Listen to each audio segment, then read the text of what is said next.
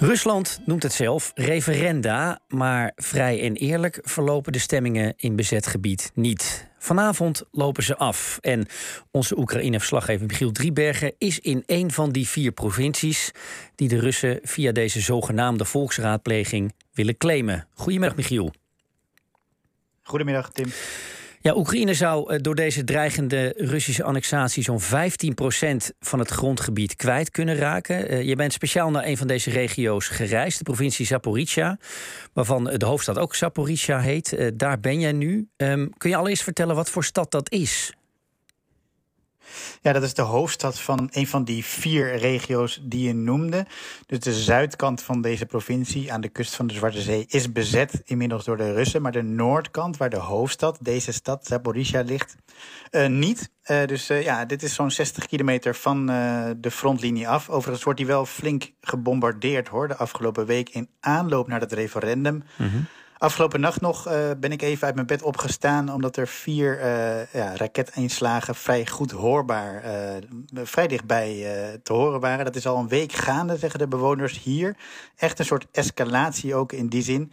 ja, hand in hand gaand lijkt het met dat zogeheten referendum. Ja, en Rusland claimt dus, Michiel, die hele provincie, maar ze heeft nog niet eens die hele provincie in handen. Dat is natuurlijk wonderlijk. Nee, zeker niet. Nog niet de helft. Uh, en, maar de zorg is natuurlijk hier in Zaporizhia. Je ziet mensen zijn echt wel bang van wat gaat er gebeuren nadat straks vanavond dat, dat referendum afloopt. Dat, dat nep-referendum zeggen ze hier.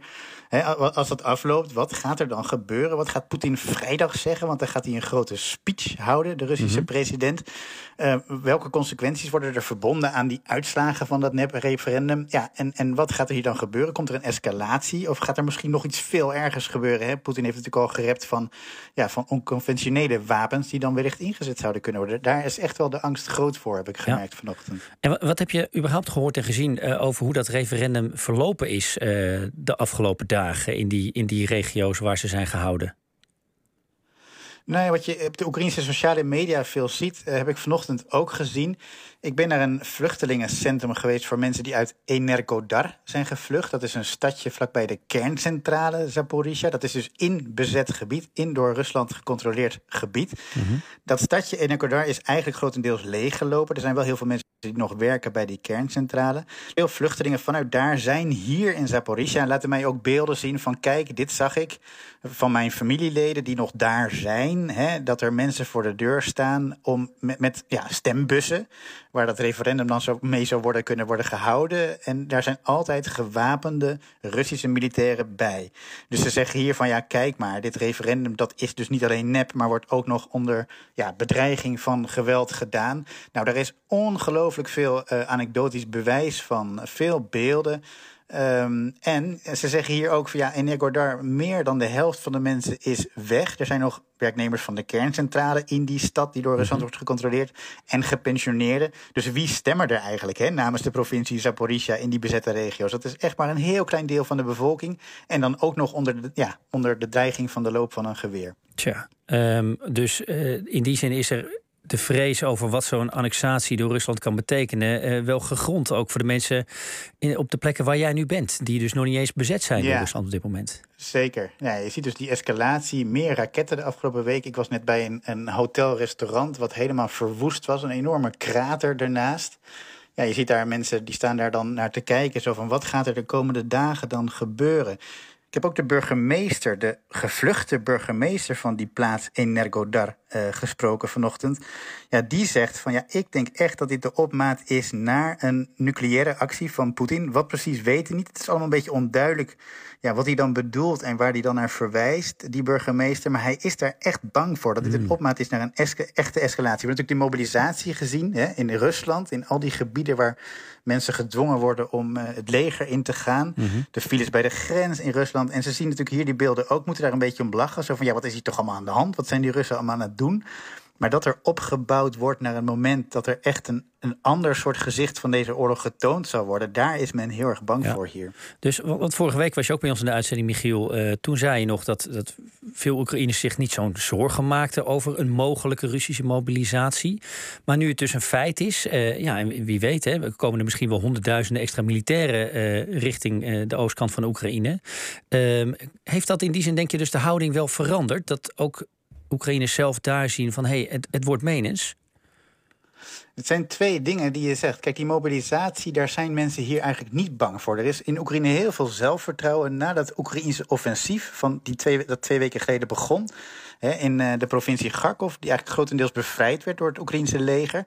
Heel veel zelfvertrouwen in het eigen leger en heel veel, ja uh, schampere opmerkingen hoor ik hier over die mobilisatie van ja, die dronken lui hè, en mhm. die ongetrainde mannen die Rusland nu mobiliseert tegen ons goed getrainde leger. Daar is men eigenlijk niet bang voor. Dat offensief in het oosten gaat ook nog steeds door.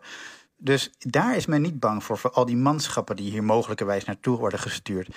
Maar men is wel bang voor een grootschaliger escalatie. En ja, dan gaat het echt over dingen die wij ons nu nog niet kunnen voorstellen. En die hier eigenlijk ook niet echt omschreven worden, omdat men het niet precies weet. Uh, maar Poetin moet iets doen, daar lijkt het op, uh, om ja, deze oorlog nog op de een of andere manier in zijn, zijn voordeel te kunnen keren. Uh, ja, en, en die burgemeester die zegt dus van ja, de nucleaire optie is nu in zicht, ja. omdat alles daar naartoe wijst. Het is natuurlijk maar heel erg de vraag of dat ook of daar enige realiteit in, in zit. En die man die weet dat natuurlijk ook niet.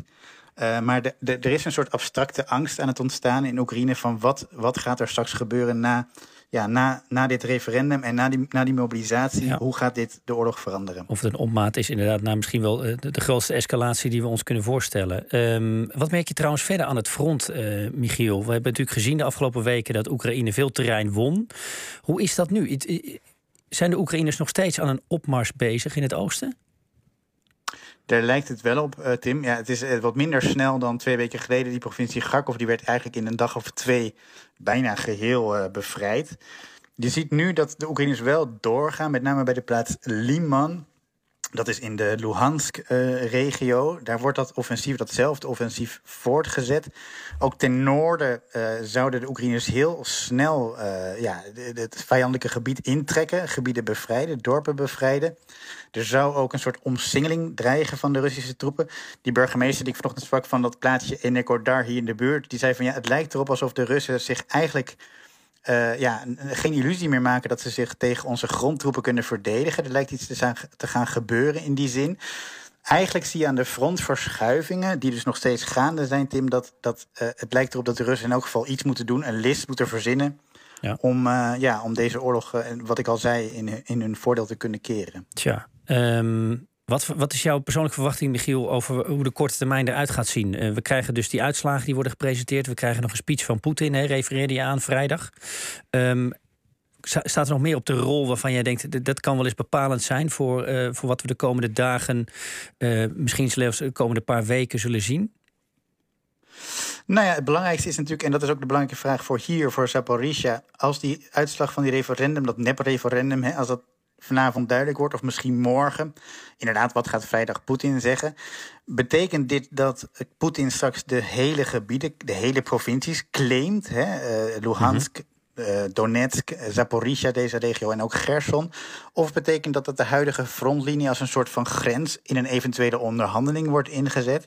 Dat is een hele belangrijke vraag, zeker hier voor deze grote stad. Bijna een miljoen uh, mensen wonen hier, Zaporizhia. Van wat gaat er dan in deze stad gebeuren? Komt er een rakettenregen op de stad uh, neer? Ja. ja. of dus eventueel iets ergers. Uh, we moeten zien hoe dat, hoe dat verloopt. Zeker vanavond wordt denk ik belangrijk over de, ja, de, de, de uitslag van dat zogeheten referendum. Wij wachten het af. Hartelijk dank voor nu. Michiel Driebergen was dat vanuit Zaporizhia in Oekraïne.